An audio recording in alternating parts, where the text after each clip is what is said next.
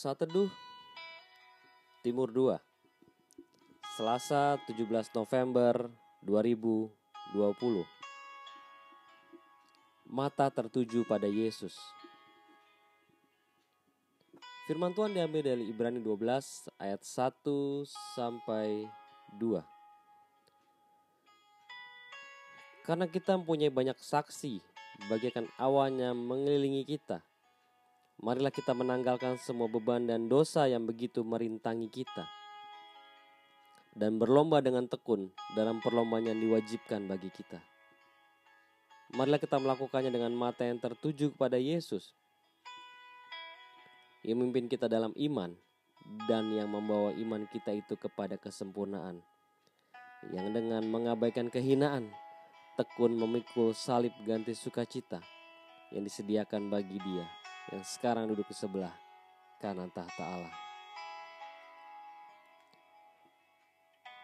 Dalam satu gelanggang pertandingan, pasti ada sebagian orang yang mendukung atlet dengan mengatakan, Ayo, pasti kamu bisa, kejar impianmu, semangat, jangan menyerah.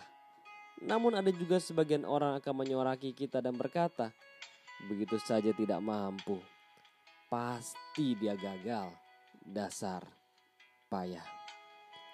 Hidup kita pun mungkin seperti itu. Ada yang selalu mendukung kita, namun mungkin tidak sedikit juga yang tidak mendukung kita. Hidup Kristiani adalah hidup yang semarak, di mana kita mempunyai banyak saksi seperti awannya mengelilingi kita. Banyak orang yang mungkin memperhatikan segala gerak-gerik, tindak tanduk, perkataan, bahkan perbuatan kita. Sekali kita membuat suatu kesalahan yang sepertinya kecil saja, tidak jarang akan menyinyiri kita dan menyampaikan kata-kata yang tidak berkenan, bahkan kata-kata yang menjatuhkan. Tapi apakah kita patut bersedih? Tidak saudaraku. Mari kita belajar dari pahlawan-pahlawan Tuhan di Alkitab. Yes, kisah Sadrak, Mesak, dan Abednego di dalam Alkitab. Kitab Daniel adalah kisah yang menarik. Alkitab berkata dalam Daniel 3:12, ada beberapa orang Yahudi yang kepada mereka telah Tuanku berikan pemerintahan atas wilayah Babel, yakni Sadrak, Mesak, dan Abednego. Orang-orang yang tidak mengindahkan titah Tuanku ya Raja. Mereka tidak memuja dewa Tuanku dan tidak menyembah patung emas yang telah Tuanku dirikan. Mereka orang-orang yang sungguh-sungguh dalam Tuhan. Namun ada sebagian orang yang tidak suka dengan keberhasilan mereka. Akhirnya mereka pun dilaporkan kepada raja karena tidak menyembah patung. Jika saudara perhatikan dalam kitab Daniel 1, Sadrak, Mesak, dan Abednego adalah orang-orang pilihan, orang-orang hebat yang ditetapkan untuk bekerja dengan raja.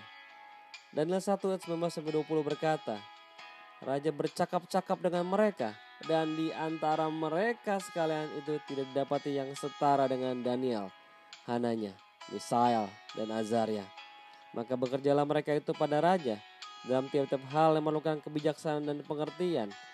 Ini tanyakan raja kepada mereka. Didapatinya bahwa mereka sepuluh kali lebih cerdas daripada semua orang berilmu dan semua ahli jampi di seluruh kerajaannya. Mereka ini orang pintar dan sungguh-sungguh dalam Tuhan, sehingga mungkin membuat banyak orang iri dan ingin menjatuhkan mereka. Mereka pun akhirnya dimasukkan ke dalam perapian yang menyala-nyala. Sepertinya ini akan menjadi akhir dari hidup mereka. Orang hebat yang tewas dalam api. Tapi saudaraku bahkan di dalam api pun Tuhan tetap beserta mereka. Kita berkata dalam Daniel 3 24 sampai 25. Kemudian terkejutlah Raja Nebukadnezar lalu bangun dengan segera. Berkatalah ia kepada para menterinya, Bukankah tiga orang yang telah kita campakkan dengan terikat ke dalam api itu? Jawab mereka kepada raja, benar ya raja, katanya. Tetapi ada empat orang yang kulihat berjalan jangan dengan bebas di tengah-tengah api itu. Mereka tidak terluka dan yang keempat itu rupanya seperti anak dewa. Wow, luar biasa. Merinding kalau merenungkan kisah ini. Sekalipun banyak orang merasakan hal yang buruk sehingga mereka harus berhadapan dengan maut. Namun iman mereka tidak goyah di saat orang yang menjatuhkan mereka, di saat itulah Tuhan mengangkat hidup mereka. Raja pun memberikan kedudukan yang tinggi kepada mereka di Babel. Saudaraku, mengapa mereka bisa melewati kondisi tersebut dan menang? Jawabannya adalah karena mata mereka tetap tertuju kepada Tuhan, bukan kepada apinya. Masalah, beban, dan kondisi sulit mungkin seperti perapian yang menyala-nyala yang kita hadapi. Namun di saat itulah Tuhan selalu tetap bersama kita. Dia mau menyatakan mujizatnya dan mengangkat hidup kita tinggi-tinggi.